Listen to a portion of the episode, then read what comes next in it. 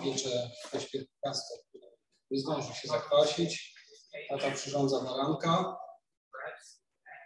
Tej nocy jest wyjście. Przechodzimy Morze Czerwone, widzimy tu wszystkie cuda. Jesteśmy na pustyni. Dochodzimy do granic ziemi obiecanej. Zderzenie. Wracają zwiadowcy i niestety większość Izraela mówi nie, nie wejdziemy tam, nie damy rady, pokonają. Mimo, że Jozue i Kaleb nawołują, Bóg nam pomoże. Skoro to obiecał, to na pewno tak się stanie, ale niestety. Przez kolejnych 40 lat wędrujemy po pustyni. Takim powiedzmy szacownym wieku 55 lat. Wchodzimy do ziemi obiecanej w końcu. Bóg pobłogosławił nas domem, którego nie budowaliśmy, piwnicami, gajami oliwnymi, których wysadziliśmy. Błogosławił. Wreszcie nastał odpoczynek. Miałem mniej więcej kolejne 25 lat, więc pomyślmy, że jesteśmy w mocno podeszłym wieku. Ale Jozue, który jest jeszcze bardziej podeszłym wieku, bo liczy sobie już około 110 lat, umiera, zgromadza lud i mówi takie słowa, które mogą wstrząsnąć. Powiedział tak. Teraz więc żyjcie w bojaźni Jahwe. Służcie mu szczerze i wiernie.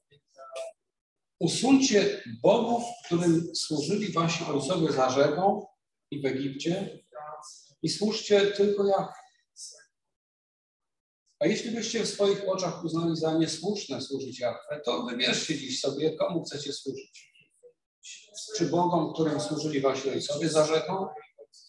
Czy Bogom amoryckim, których ziemi teraz mieszkacie?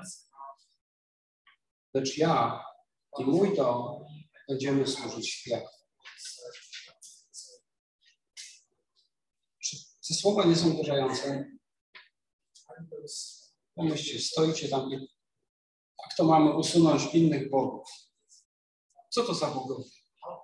Skąd ci bogowie się wzięli w społeczności Izraela? Jozue wspomniał o starych bogach, tym, którym służyli jeszcze Abraham i przodkowie, zanim Bóg ich powołał.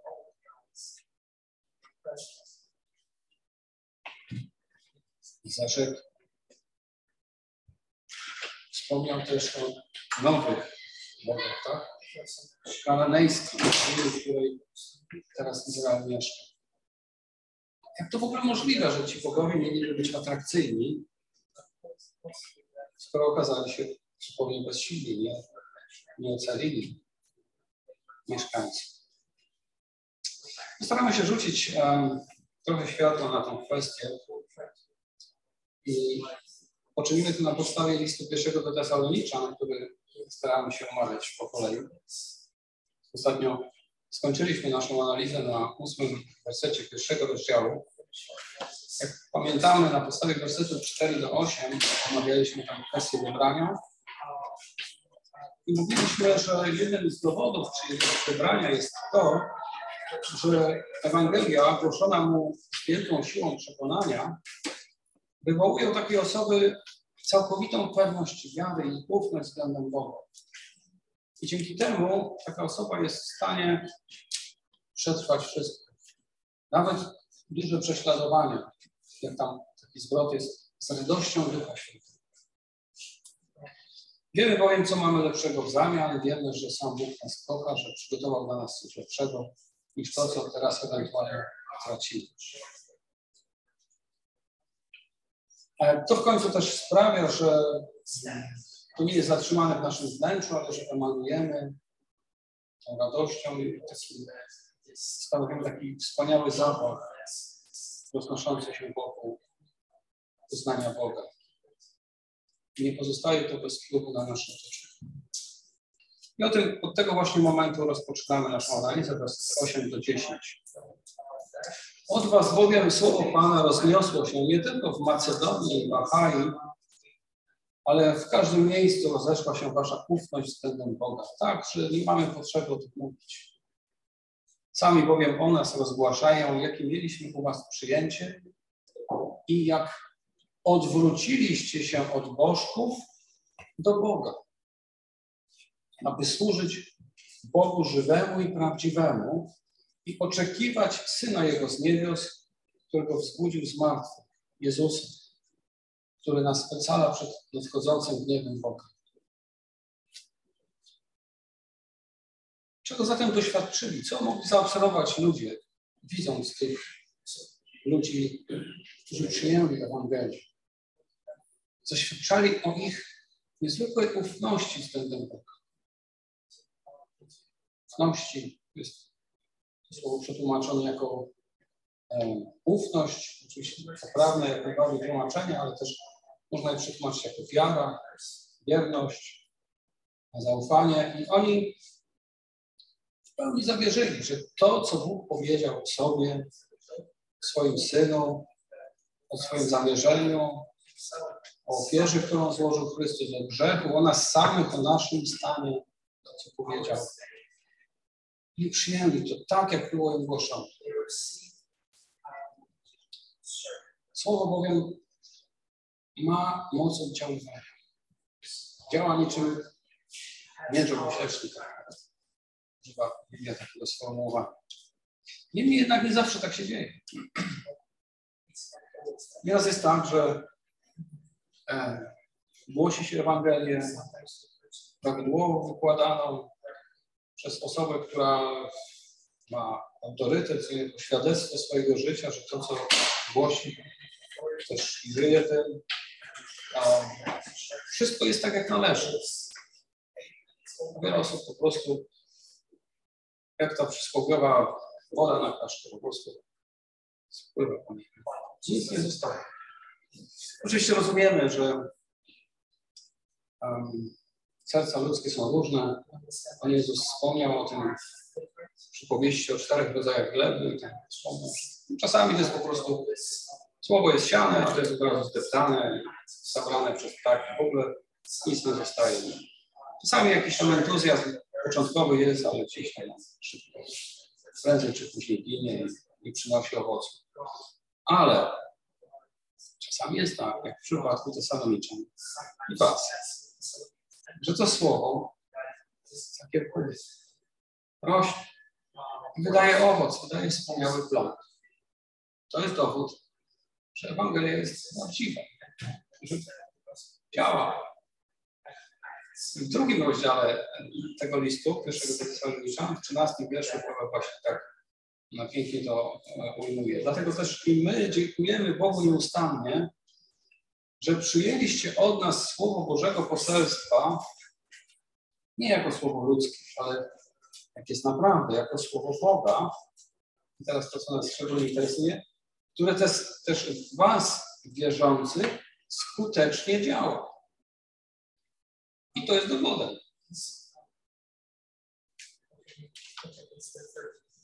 Czego się uśmiecha, bo lubi zawody matematyczne.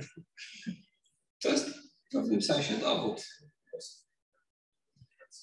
Dlatego, kiedy ktoś zastanawia się, czy, czy ze mną jest wszystko w porządku, czy ja naprawdę zostałem przez Boga przygarnięty, czy On pojednał mnie ze sobą, czy nie usprawiedliwił, czy, czy jestem Bożym dzieckiem.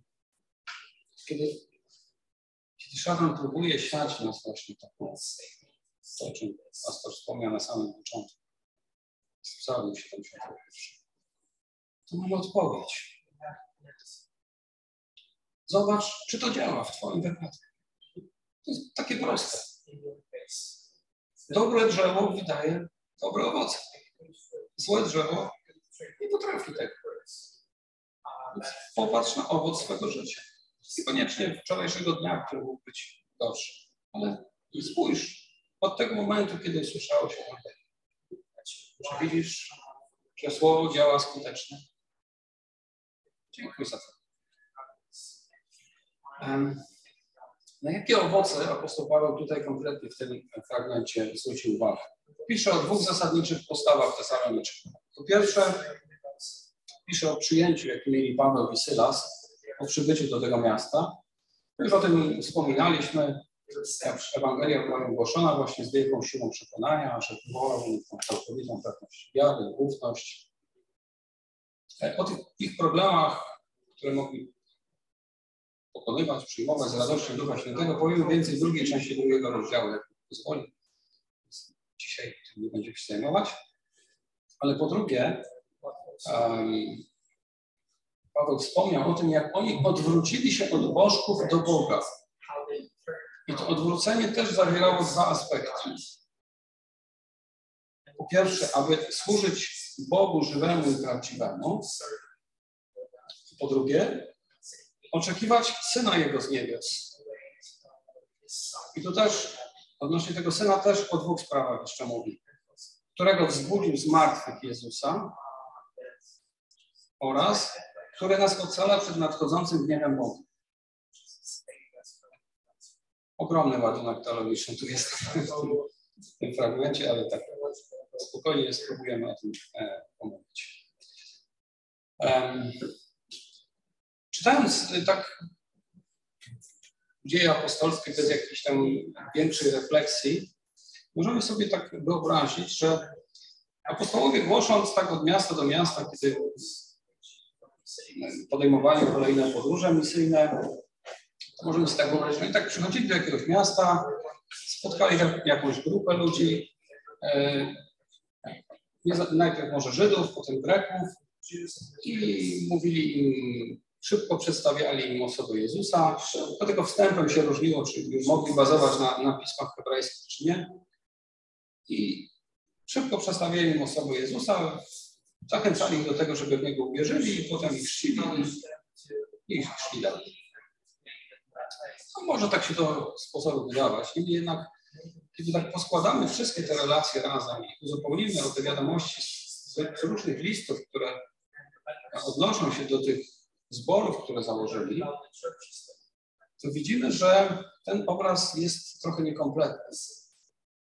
Nawet um, w tak niezwykłych okolicznościach, jak głoszenie dozorcy więziennemu Filipi, um, kiedy apostołowie wiedzieli, że po cudownym uwolnieniu z tego więzienia, że zaraz będą musieli uciekać stamtąd, to ich zwiastowanie nie zakończyło się na odpowiedzi temu strażnikowi, panowie, co mam czynić, żeby zostać zbawiony? Odpowiedzieli oczywiście, uwierz Pana Jezusa, słusznie całkiem, ale na tym się nie skończyło. On kiedy zabrał ich do domu, e, czytamy tam w wersecie 32, że opowiedzieli mu słowo Pana, jemu oraz wszystkim, którzy byli w jego. Czyli nie powiedzieli tylko, że o, uwierz w Pana Jezusa i wszystko już będzie dobrze i teraz żyj w pokoju, bo już jesteś chrześcijaninem. Postarali się o to, żeby przynajmniej w takiej wersji, jakiej to było możliwe czasowo, żeby przedstawić mu tę naukę apostolską. Bo wierzący, młodzi wierzący, każdy wierzący, ale im wcześniej, na wcześniejszym etapie tym bardziej, musi wiedzieć, jak ma żyć dla Chrystusa. Skoro miał doznać nowego życia, skoro miał się stać naśladowcą Chrystusa, to musiał wiedzieć, jak ma to robić. Co do starego życia może ze sobą niejako zabrać w tę nową podróż, a co absolutnie musi pozostawić. A jeżeli coś pozostawi, to czym nowym ma to wypełnić? To nazywamy uczniostwem. Czasami można odnieść wrażenie, że dzisiaj troszkę jest to um, zapominane. Nie zawsze oczywiście, ale czasami tak.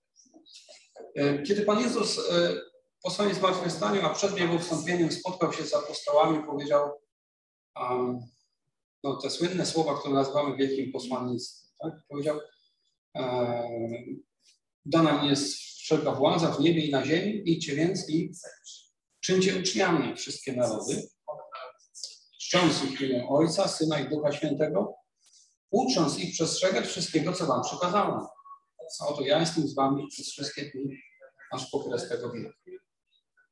A więc celem tego posłannictwa było to, żeby apostołowie i inni uczniowie czynili uczniami Jezusa kolejne osoby, ale to czynienie uczniami miało być poprzez po pierwsze chrzest, ale po drugie poprzez uczenie ich tego wszystkiego, co Jezus nakazał.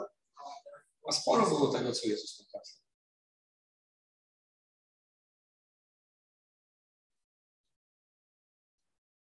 W dawnych wiekach e, było tak, że zanim kogoś dopuszczono do chrztu, to przechodził wielomiesięczne, nawet kilkuletnie przygotowanie katechumen. Nie sądzę, żeby taka kolejność była właściwa.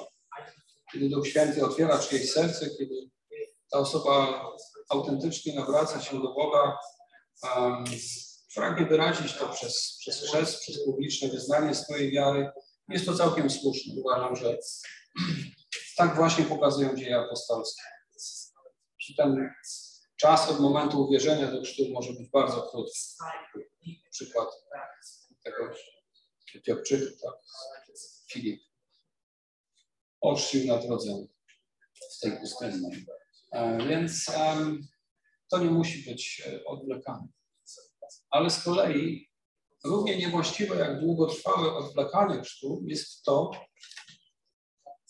żeby oczcić go i pozostawić go po prostu. Żebyś, no, będziesz przychodził na nabożeństwo, wszystkiego nauczysz.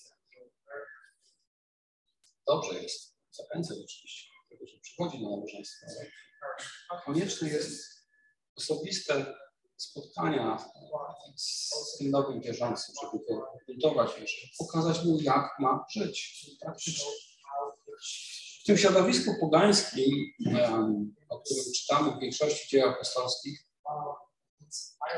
niezwykle ważne było, e, aby ci nowi wierzący, jak napisał tu Paweł do Tesaloniczan, odwrócili się od bożków do Boga.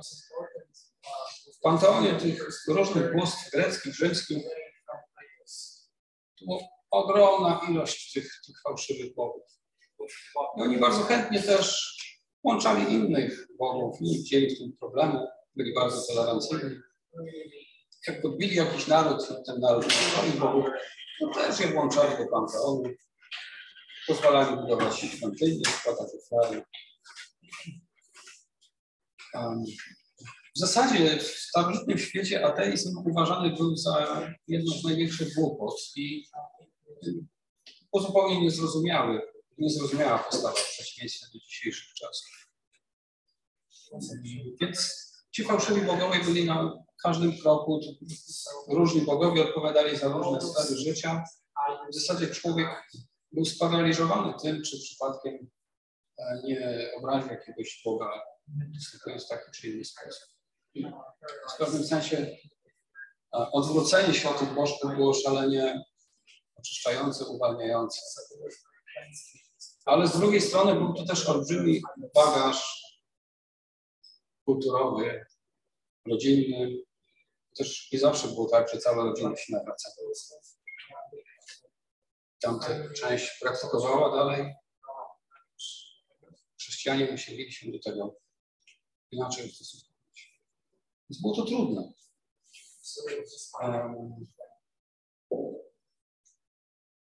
Apostołowie głosili Boga żywego i prawdziwego i rzucili wyzwanie tym fałszywym. Nie ma panteonu. Jest jeden prawdziwy i żywy Bóg. Reszta to fałszywi Bogowie. Trzeba dokonać radykalnego zwrotu.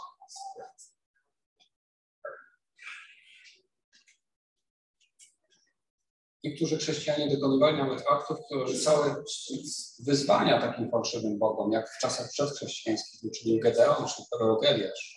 Słynne wydarzenia. Mamy na przykład e, informację o pewnym Angliku imieniem Bonifacji, który udał się jako misjonarz do ludów germańskich E, I w miejscowości Geismar rzucił wyzwanie mocy pogańskich bogów, ści, ścinając ogromny dom poświęcony kultowi Tora. Następnie z belek z tego dębu zbudował kaplicę. Jak można sobie wyobrazić reakcję tych Germanów, którzy obserwowali to, czy też to pokaże tego śmiałka, czy okaże się bezsilny. Dzisiaj może nam się wydawać trochę śmieszne, takie jakieś bardzo zamierzchłych czasów.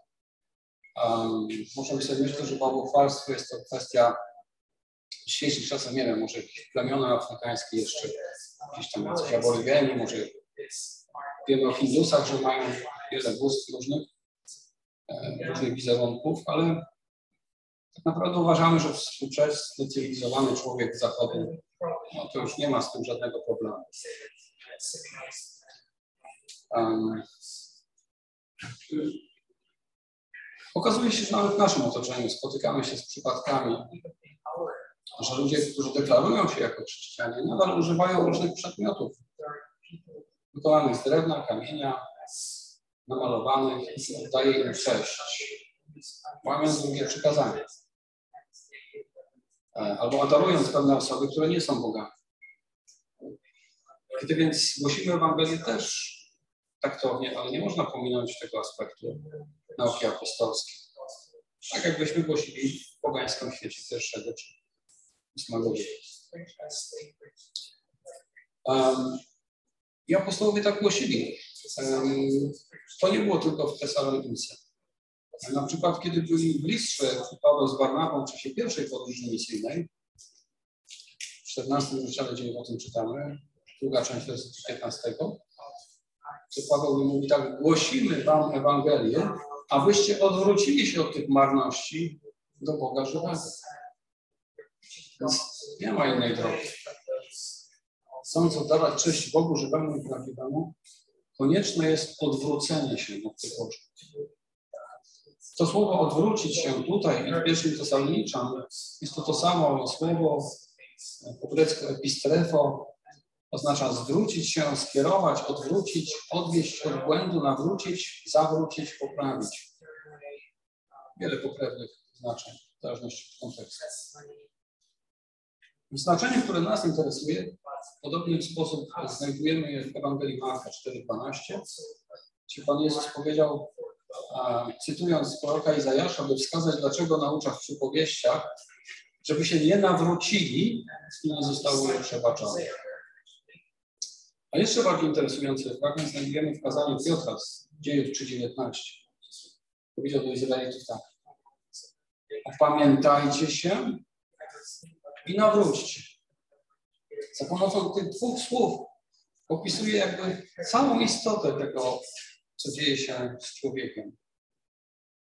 Bo mówi opamiętanie, metanoja, więc oddziałuje na nasz umysł, poprzez nasze serce, na nasz umysł, na naszą wolę, na zmianę myślenia, na zmianę nastawienia, całkowitą przemianę, odnowę, ale zarazem mówi nawrócenie.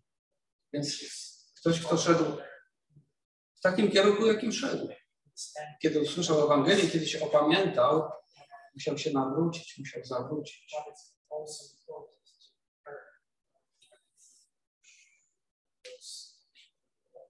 Chrześcijanie w Tesalonice odwrócili się od bożków do Boga, aby służyć Bogu żywemu i prawdziwemu. To wszędzie się stało znane, jak czytaliśmy z, księgi z listu pierwszego. Ale w tym mieście i w wielu innych miejscach Nowego Przymierza też jest takie określenie, które powinno być dla nas takim swego rodzaju mostem im dłużej ktoś jest z Panem, tym bardziej powinien sobie to przypominać. Na przykład w czwartym rozdziale tego listu, pierwszym, dziesiątym wierszu. Chwali ich i mówi, jak postępujecie, więc dobrze, tak postępujecie. Ale mówi, abyście tym bardziej obfitowali. Tym bardziej.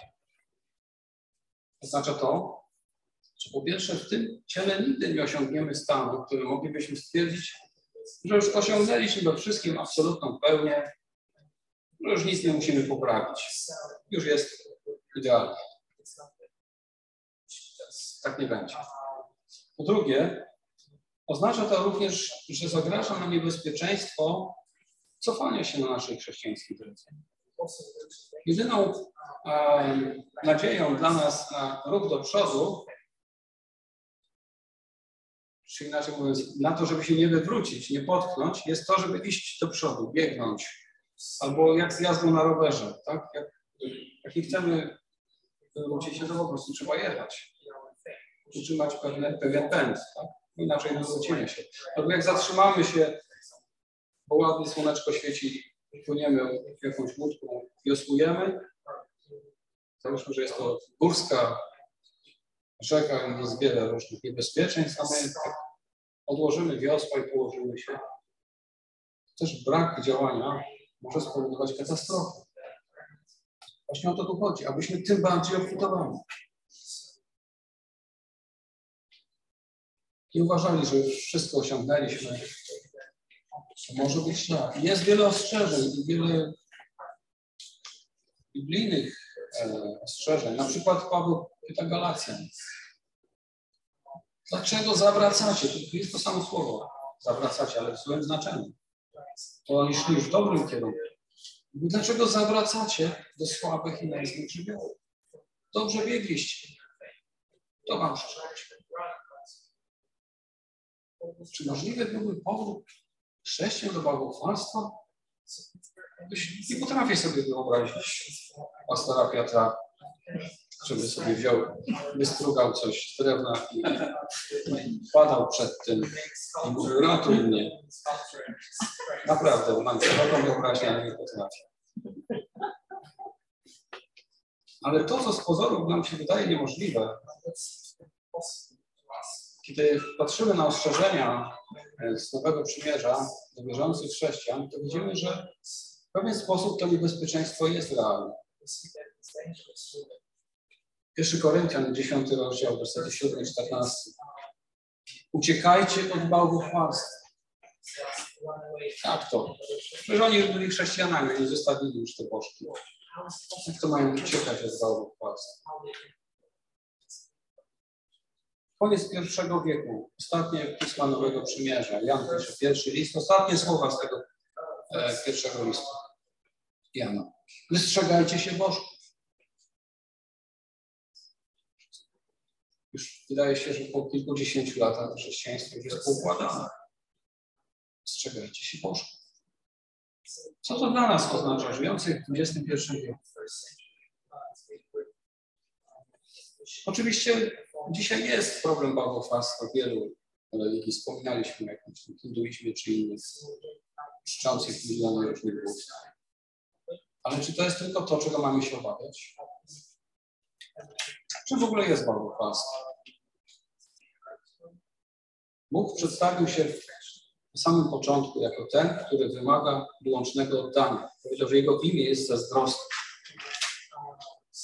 nie toleruje żadnej rywalizacji z kim innym, kto chciałby być na równi z nim.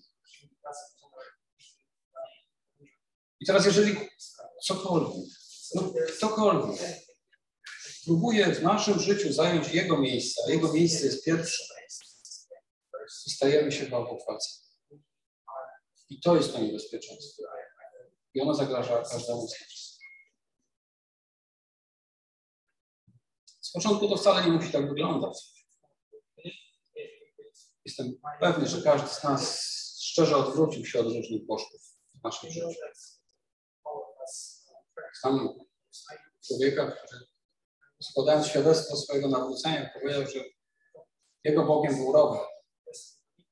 I mówił to całkiem szczerze, autentycznie. zmienił priorytety, chociaż rower dalej czymś ważnym w jego życiu.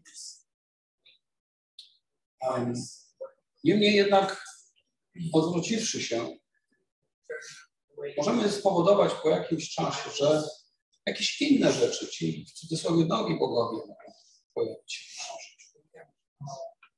Jakieś nowe zainteresowania, nowe rzeczy, które mogą stawać się dla nas tak ważne i tak ważne, i to się może tak nakręcać, że po pewnym czasie z tego pierwszego miejsca Bóg zostaje zrzucony.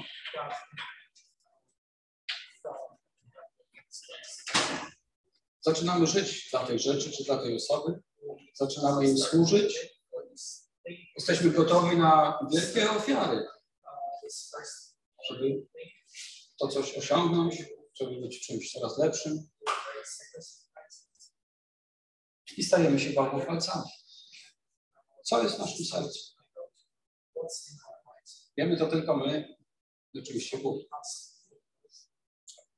Amerykański filozof Peter Chyba napisał tak, że przeciwieństwem teizmu nie jest ateizm, ale bałwochwalstwo. Bardzo mądre słowo. Zresztą druga część pierwszego rozdziału listu do Rzymian o tym. Każdy człowiek na tym świecie jest albo oddanym Bogu, wiernym chrześcijaninem, albo bałwochwalcą. Mocne słowo, ale to jest prawda. Wiele współczesnych przedmiotów bałwochwalczej czci same w sobie nie są naganne. Nie muszą być naganne. Mogą być nawet całkiem dobre, albo moralnie obojętne. Na przykład pieniądze. Mówi się, że pieniądze są dobrym sługą, ale kiepskim panem. Dzisiaj słyszeliśmy, że pieniądze w jakiś sposób pomogły komuś, kto był w potrzebie. I, i to wspaniale. Wspaniale, że ktoś miał te pieniądze i chciał się podzielić. Ktoś inny wiedział, że ktoś inny jest w potrzebie i tam udzielił tych pieniędzy. W porządku. Ale jakże łatwo stają się Panem, który domaga się ofiar. Ile marzeń zostało rozbitych. Ile dzieci nie doświadczyło właściwego wychowania z powodu kultu pieniędzy rodziców. Ile dramatów przynosi hazard, najprymitywniejsza z form tego bałwochwalczego kultu. Czy mądre są słowa, które Paweł skierował do Tymoteuszy. Ci, którzy chcą być bogaci, wpadają w pokusy i siłę i w liczne pragnienia nierozumne i szkodliwe, które pogrążają ludzi w zgubę i zatracenie, bo korzeniem wszelkiego zła jest miłość pieniędzy. Nie pieniądze same w sobie, ale miłość, kiedy one nas dominują. To jest tragedia. Paweł pisze, że niektórzy ulegli tej miłości, zboczyli od wiary i zadali sobie wiele zgryzów. Ty zaś, Boże człowieku, od takich rzeczy uciekaj. Więc jeżeli dostrzegamy w sobie pokusę, że to chce zdobyć nad nami władzę, uciekaj.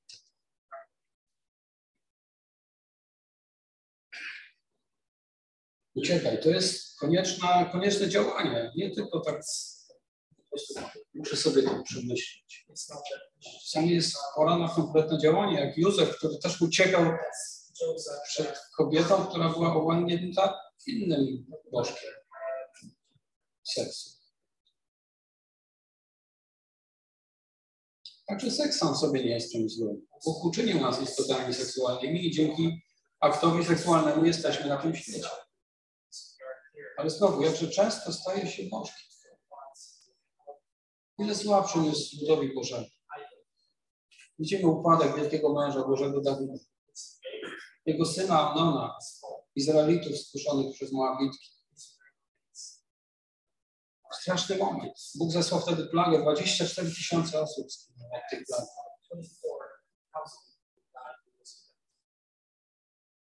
Dziś upadki związane z czczeniem tego bożka też widać wśród ludu Bożego.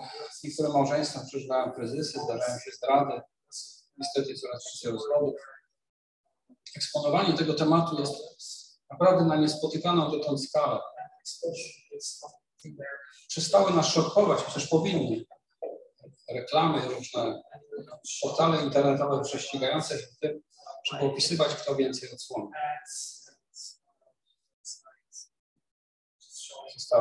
Ale Można powiedzieć, że ten Bożek należy do takiej nieświętej trójcy bożków przyjemności, do których możemy jeszcze zaliczyć rozrywkę i jedzenie. Także i te rzeczy same w sobie nie są złe przecież. Dzięki jedzeniu w ogóle funkcjonujemy, tak? Nie możemy żyć bez jedzenia Bóg nawet uczynił nas takimi, że jedzenie sprawia nam przyjemność.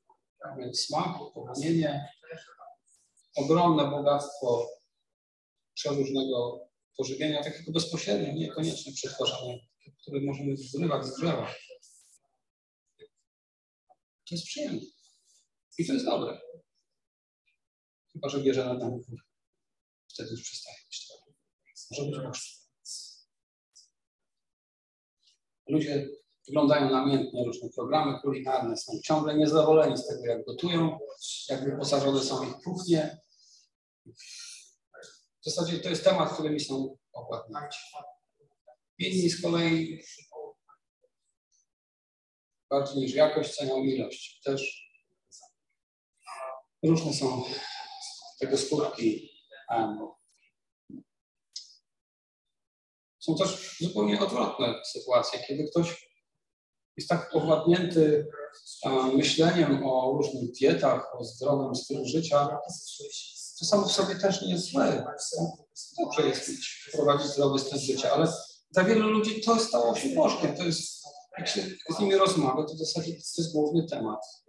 I specjalnie o niczym nie chcą rozmawiać, ale o wszystkich nowinkach wiedzą.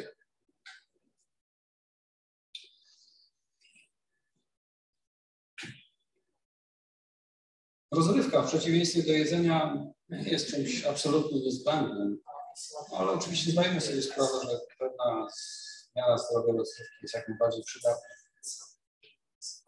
Rodziny dzięki temu mogą spędzać czas wspólnie. Fajna rzecz. Ale w tej dziedzinie jest tak wiele nadużyć. Również dzisiaj ta wielu rozrywka stała się autentycznie bożkiem. Nieumiarkowanie w różnych grach, oglądanie telewizji, zatracenie się w kreowaniu swojego wizerunku na portalach społecznościowych. Nawet nie wiem, na czym to polega. Nie specjalnie chcę wiedzieć.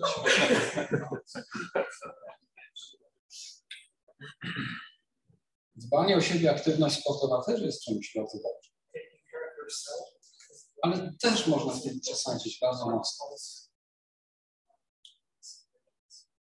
Niektórzy ludzie są tak owładnięci um, tematem na przykład swojej ulubionej drużyny, że wszystko o niej wiedzą. Potrafią wymienić skład sprzed iluś tam lat. Dokładnie wiedzą, e, jaki jest kalendarz rozgrywek, jakie są e, szanse na tytuł i tak. Ale kiedy zapytać, co ostatnio poruszyło ich w Biblii, może być niezręczne.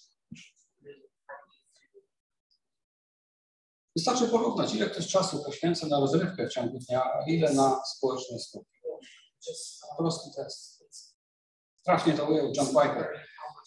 Powiedział tak, jednym z największych pożytków z Twittera czy Facebooka będzie wykazanie w dniu ostatecznym, że brak modlitwy nie wynikał z braku czasu. Mądre słowo. Trzeba też zauważyć, że ci bogowie przyjemności są okrutni. Zamiast osiągać spodziewaną przyjemność, osiągnięcie pewnego etapu i już wydaje nam się, że już brak satysfakcji, chcemy jeszcze więcej. Jeszcze więcej. To jest tak jak narkotyk.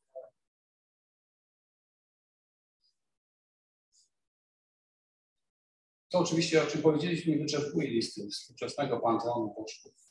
Dla wielu tak, takim bożkiem jest sukces, pieniądze nie są celem samym w sobie, są środkiem do celu. Celem jest osiągnięcie sukcesu, przedstawienie siebie w takim świetle, żeby inni po prostu musieli powiedzieć, to jest człowiek sukcesu. Tak wygląda sukces. Wtedy ta osoba odczuwa satysfakcję. To. Może być sukces na różnych polach, władza. I znowu, jak wiele ofiar ten Boże pożar. Jak wiele rodzin cierpi z tego powodu. Nawet rodzina może stać się bożkiem. To też ciekawe. Dla wielu osób, zwłaszcza dziecko staje się takim obiektem kultu. Jest, czasami dzieje się tak, że staje się ważniejszy od Boga. Myślę, że kiedy popatrzymy na tą sprawę, z, na, na, na historię ofiarowania Izaaka z tej perspektywy, to staje się ona dla znacznie lepiej zrozumiała. Patriarcha otrzymał tego syna w bardzo późnej starości. W zasadzie z ludzkiego punktu widzenia nie było żadnych szans, żeby ten chłopiec mógł się narodzić. A jednak Bóg sprawił ten cud. I ten cud dorastał. Od małego chłopca dorastał, pewnie miał już kilkanaście lat. Kiedy Abraham kazał włożyć mu na plecy drewno i poszedł ofiarować.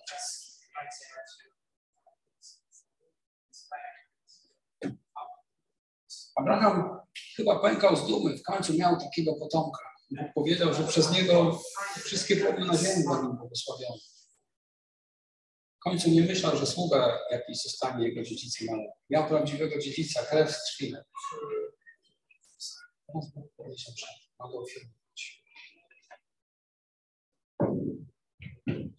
Myślę, że coś niepokojącego chyba działo się w jego sercu i dlatego Bóg sprawił, że chciał mu pokazać, kto ma być najważniejszy. Abraham przeszedł ten test. I dobrze, że zmienił swój punkt widzenia. A jak jest z naszą rodziną. Na przykład prosty test. Jest niedziela, rodzina do niewierzących Jedźmy na wycieczkę, taki piękny dzień. Nie opuszczajcie wspólnej gromadzi. No ale no jeden dzień trzeba poświęcić. Za tydzień. No jedźmy odwiedzić rodzinę. I znowu coś kolejnego. I znowu coś kolejnego.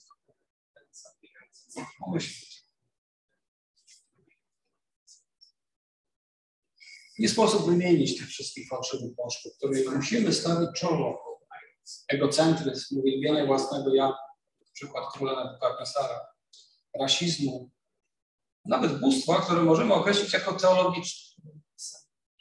Dla niektórych społeczności chrześcijańskich pewne systemy doktrynalne czy prawdy teologiczne zostają podniesione do rangi wręcz bóstwa.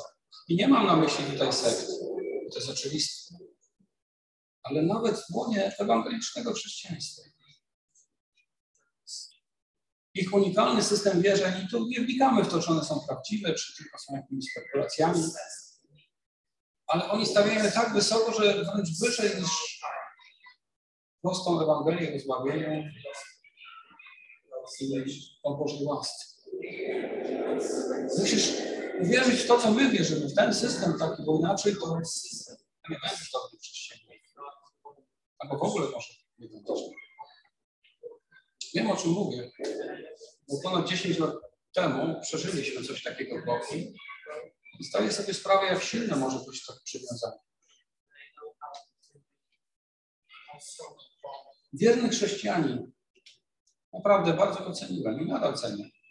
Pastor, misjonarz gotów był opuścić nas małą grupkę świeżo nawróconą wierzących mieliśmy pewne wątpliwości co do określonego systemu doktrynalnego. Ja nie mam oporu, żeby ludzi, którzy wyznają ten system doktrynalny, nazywać braćmi. Nawet jeżeli mam pewne zastrzeżenia, o których mogę rozmawiać z kimś. Ale oni, jego misję uważali, że nie, że nie chcemy przyjąć tych, tego systemu, to muszą nas jakoś to smutne. To także jest element myśli patrz. Albo to, że, kiedy, że niektórzy względem innych pokazują pogardę, brak szacunku chrześcijan. Zamiast uczciwej rozmowy, szczerej dyskusji, ileż to razy może słyszeliśmy, ktoś tam o tych zielonych tam coś mówi, a, a ci zieloni znowu o tych niezielonych, coś tam, jedni są bardziej duchowi, mniej duchowi, takie. Dopóki to jest takie bardzo na poziomie lekcji, to jest, może być formą żartu. Ale czasami widzimy to już jako pewnego rodzaju szyderstwo, inny takie nieprzyjemne. Myślę, że powinniśmy w ten sposób.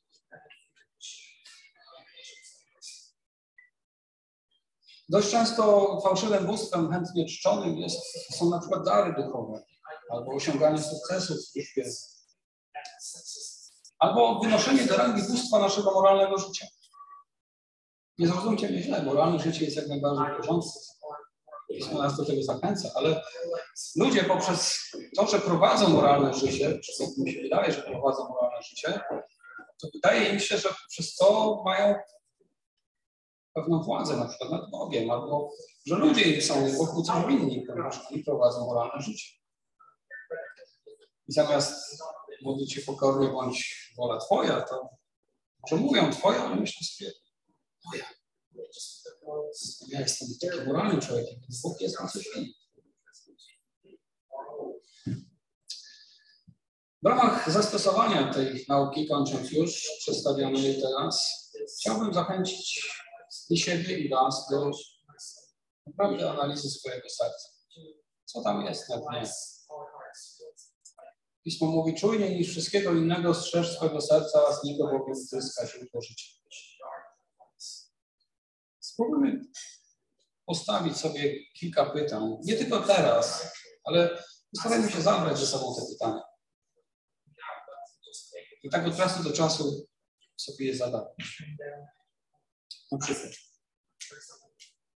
co daje mi najwięcej radości w życiu? Ale nie tak, że teraz ktoś wyjdzie tu na środek i powie, że wiemy, możemy się spodziewać, jaka będzie odpowiedź, tak tylko tak przed sobą sami, tak słyszymy tylko my, nic więcej. Przyznaj się, co sprawia Ci najwięcej radości w życiu? Albo co najchętniej ogląda? W telewizji, internecie. Jak obejrzę swoją historię przeglądania różnych stron internetowych, historię wyszukiwarki, jakie tematy tam najczęściej są wyszukiwane. Ja nie mówię o tym, co w pracy jest potrzebne, prywatnie w domu. Jeszcze jedno dwa pytania, ale co mi się najbardziej podoba? Wyobraź sobie, że jesteś wyzwolony z różnych zwykłych, codziennych ograniczeń, tak, nie, szef nie zadzwoni, nic takiego. Dostałeś wolny dzień, ale taki absolutnie wolny. Możesz go wykorzystać jak tylko chcesz. Jak byś go sobie urządził? Jak wyglądałby ten twój wymarzony wolny dzień? Dużo mówię o tym, jakie jest moje serce. Co tam jest? Jak zarządzam swoimi pieniędzmi? To też dużo mówię. I na koniec, też ciekawe pytanie. Wokół czego krążą moje myśli, kiedy nie są zajęte e, no, normalnymi, codziennymi sprawami, pracą, dziećmi, ogrodem itd., tak co tam trzeba zrobić. Na przykład leżę sobie tak spokojnie przed zaśnięciem, jeszcze sen nie napłynął. O czym postanawiam myśleć albo marzyć? Nie ma nic złego w marzeniu. Ale co tam jest na pierwszym miejscu? To najczęściej sprawy, najczęściej tematy. Ciekawa rzecz. Przemyślcie.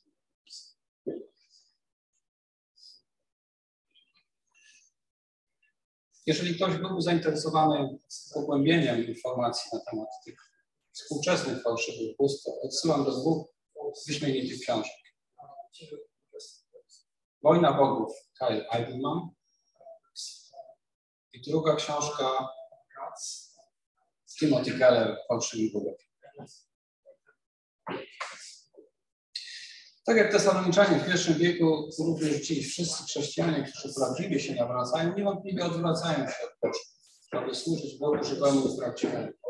Nie ma prawdziwego nawrócenia bez spełnienia tego warunku. Ale niestety z czasem mogą powracać ci starzy bogowie, którym służyliśmy przed nawróceniem. Mogą stać się atrakcyjniejsi od Boga żywego i prawdziwego. Albo powstać różni nowi bogowie, którzy zawładną naszym sercem. Oby nigdy się tak nie stało. Łącząc słowa Jozułego ze wstępu i Pawła z pierwszego Tesaloniczan, mamy wybór, komu chcemy służyć. Ale jeśli poznaliśmy Boga żywego i prawdziwego, uczmy się na błędach tych, którzy poszli za innymi bogami. Nie naśladujmy ich. Naśladujmy raczej postawę Jozułego, który powiedział, ja i mój dom będziemy służyć Panu. Czy też tak będziecie?